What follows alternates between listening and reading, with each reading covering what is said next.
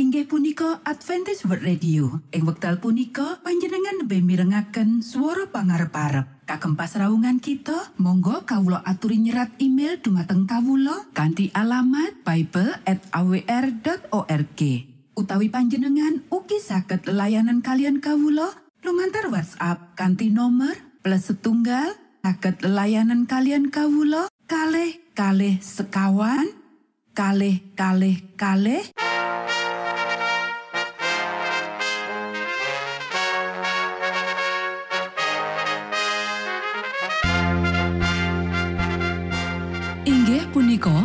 Adventist World Radio ingkang giaran kanti basa Jawi. Tentrem Rahayu kula aturaken kagem para mitra kinasih ing pundi papan lan panggonan. Sugeng pepanggian malih kalian Adventist World Radio. Kandi bingahing manah Kulo badi sesarengan kalian poro mitra kinasi. Lumantar saperangan adicara ingkang sampun rinonci. Mligi kagem panjenengan sami.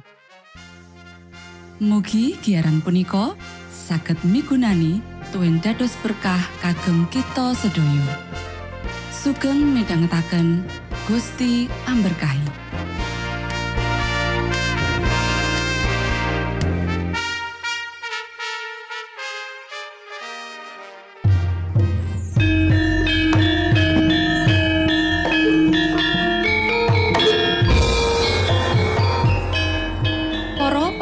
Pamirsa kinasih ing Gusti Yesus Kristus, sugeng pinanggih malih kalian Adventist World Radio.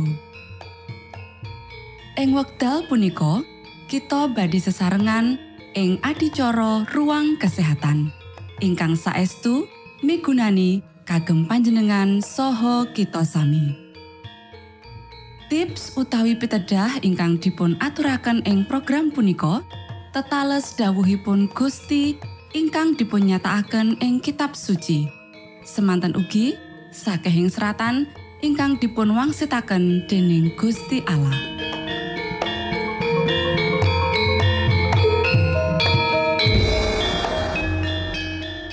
Nanging saderengipun monggo kita sami midhangetaken kidung pujian.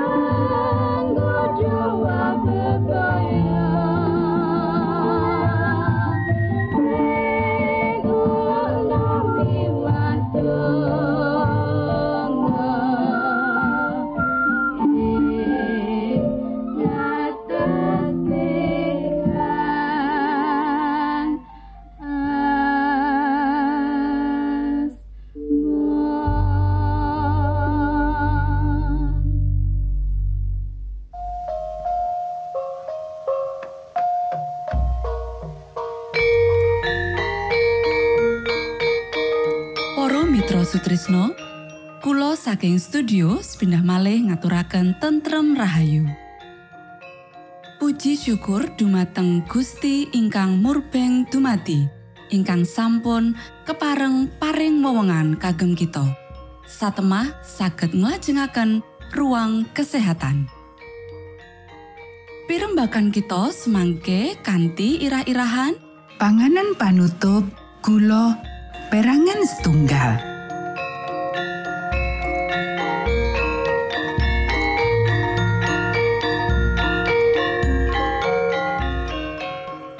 dumateng para pamiarsa kakung saha putri ingkang dahat kinormatan sugeng pepanggian malih kalian kula Isti Kurnaidi ing adicara ruang kesehatan. Ing dinten punika kanthi irah-irahan panganan panutup gula perangan setunggal.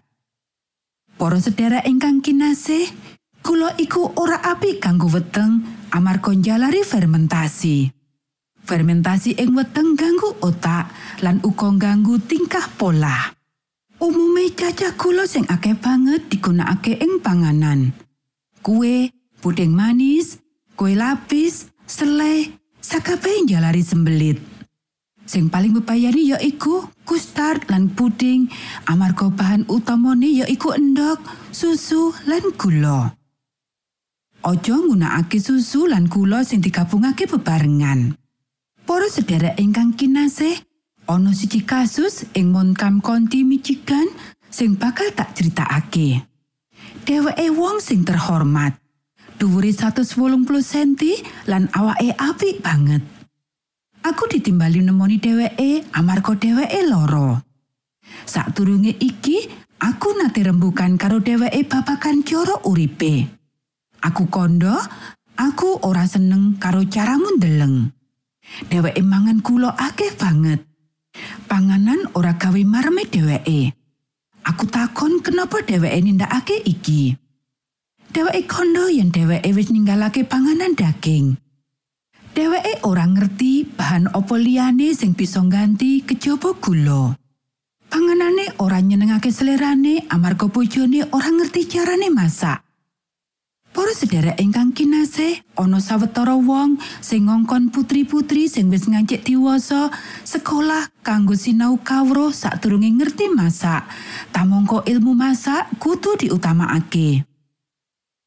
Anak sampeyan kudu ngerti carane nyediakake panganan sing sehat. Bojo lan ibu kurang kawruh ing cabang pendidikan wigati iki.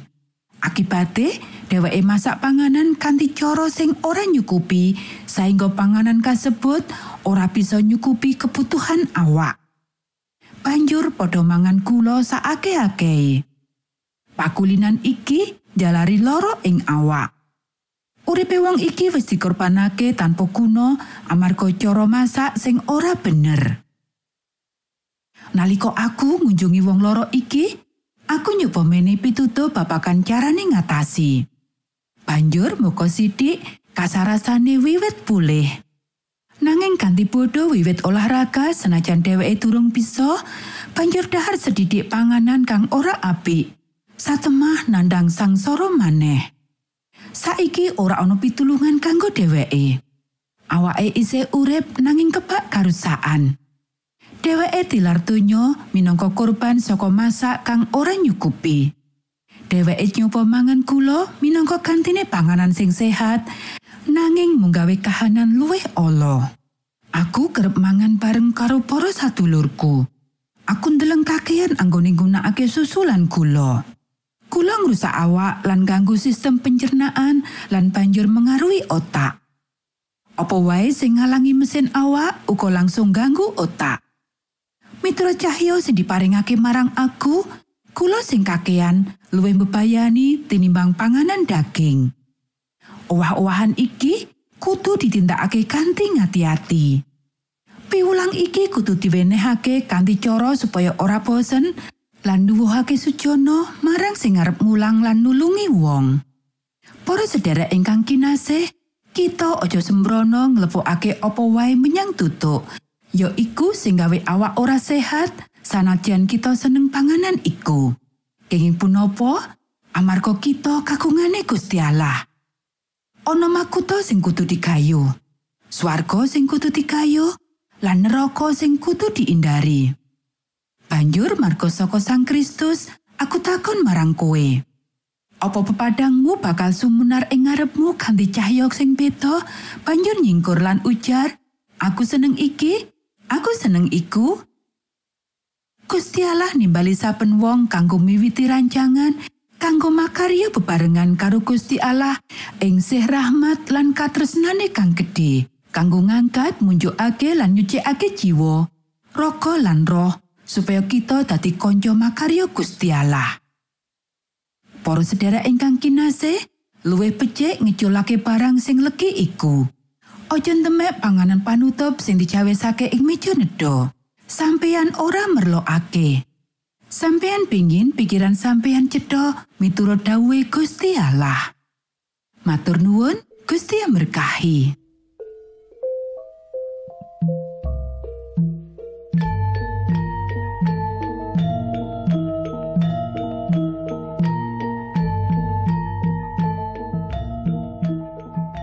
Cekap semanten pimbakan ruang kesehatan ing episode dinten punika. Mugi pisegahan punika saged migunani kagem kita sami. Ugi sampun kuatos jalaran kita badhe pinanggih malih ing episode sak lajengipun.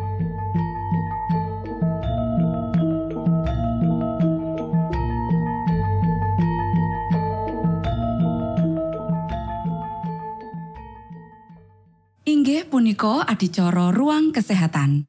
Menawi panjenengan gadah pitakenan utawi ngersakaken katrangan ingkang langkung, monggo kulo aturi kinton email dateng alamat ejcawr gmail.com utawi lumantar WhatsApp kanti nomor 025 pitu 00 songo songo papat 00 pitu.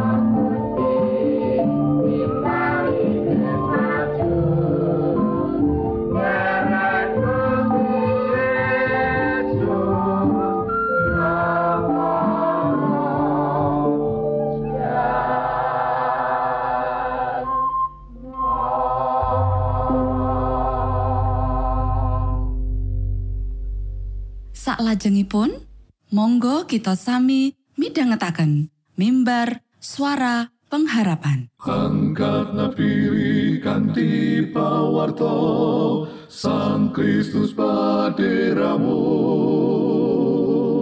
Pro umat samyo puji asmanyo Sang Kristus paderamu Inggih punika mimbar suara pengharapan. Ing episode punika kanthi irah-irahan Gusti Allah mirengaken pandonga. sugeng minangka tondo Sang Kristus paderamu Ilmu kawero tambah tambah Sang Kristus paderamu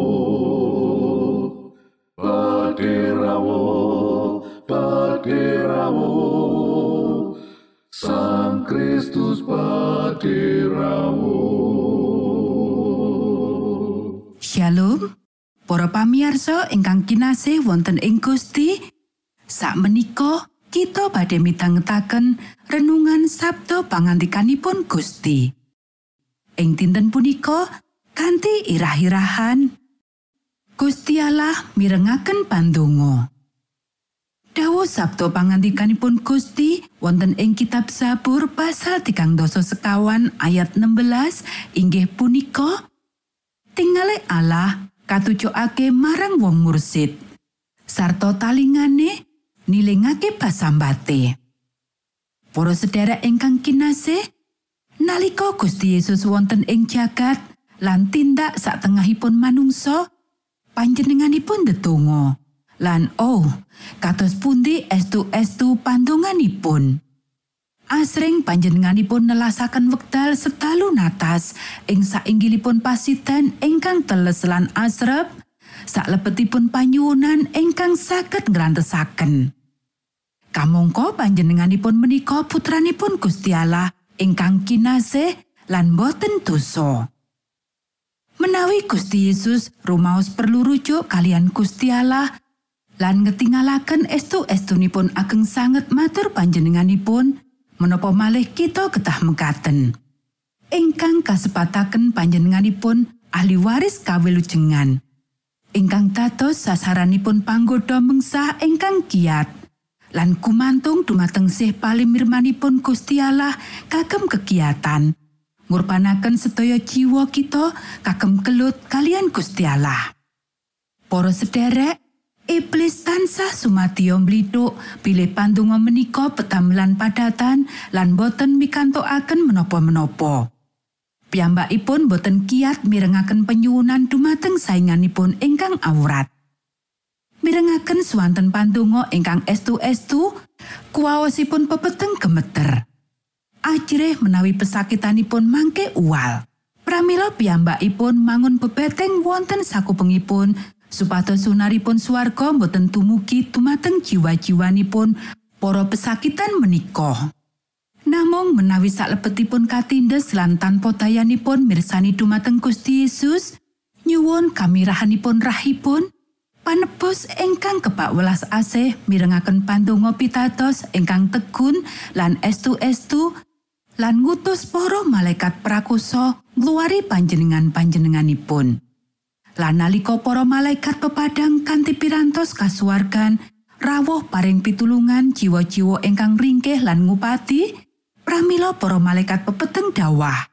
Piyambakipun kawon ing peperangan lan badhe sansaya kathah jiwa luar saking kegiatanipun pengaruhipun. Para sedherek ingkang kinasih, menawi panjenengan ngajeng-ajeng kawilujengan, pramila panjenengan kedah ndedonga. Munduta wekdal, sampun kasesa lan sembrono wonten ing pandonga panjenengan.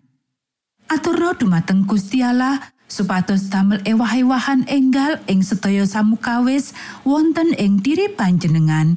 Supados woh-wohipun roh saged lerem ing saklebetipun diri panjenengan lan awit pagesangan panjenengan ingkang sae, panjenengan saged sumunar dados pepadang wonten ing jagat.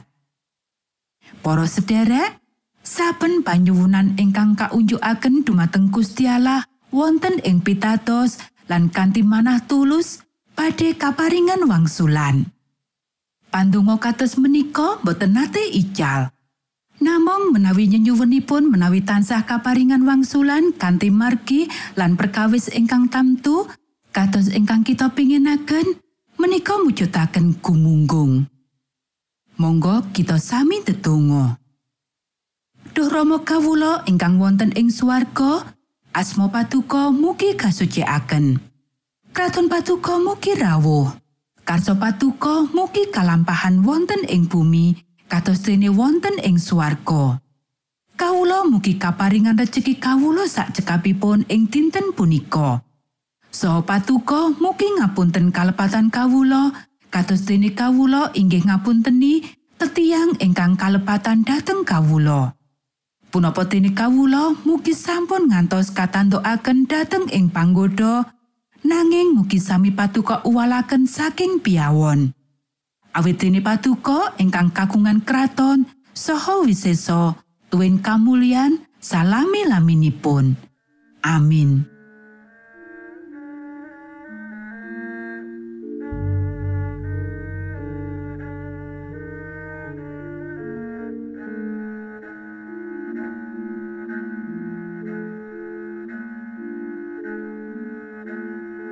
Mitra Sutrisno pamiarsa kinasih ing Gusti Yesus Kristus. Sampun paripurno pasamuan kita ing dinten punika. Inggih awit winatesipun wekdal pramila kita pisah sawetawis. Menawi panjenengan gadah pitakenan utawi ngersakaken seri pelajaran Alkitab suara nubuatan Monggo Kulo aturi kinton email dateng alamat ejcawr at gmail.com utawi lumantar WhatsApp kanti nomor 025 pitu 00 songo songo papat 00 pitu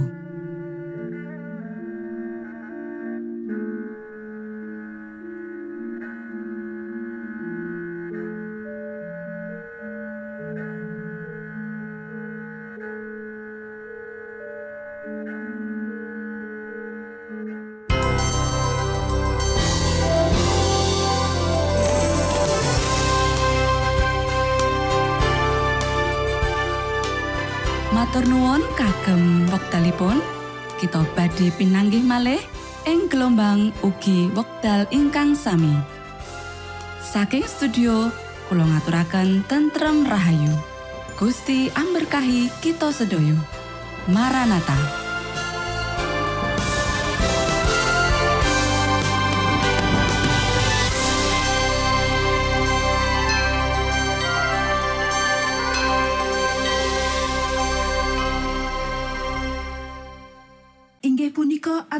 World Radio. Ing wekdal punika panjenengan lebih mirengaken swara pangarep-arep. Kagem pasraungan kita, monggo kawula aturi nyerat email dumateng kawula kanthi alamat bible@awr.org. Utawi panjenengan ugi saged layanan kalian kawula lumantar WhatsApp kanthi nomor plus setunggal saged layanan kalian kawula kalih kalih sekawan kalih kalih kalih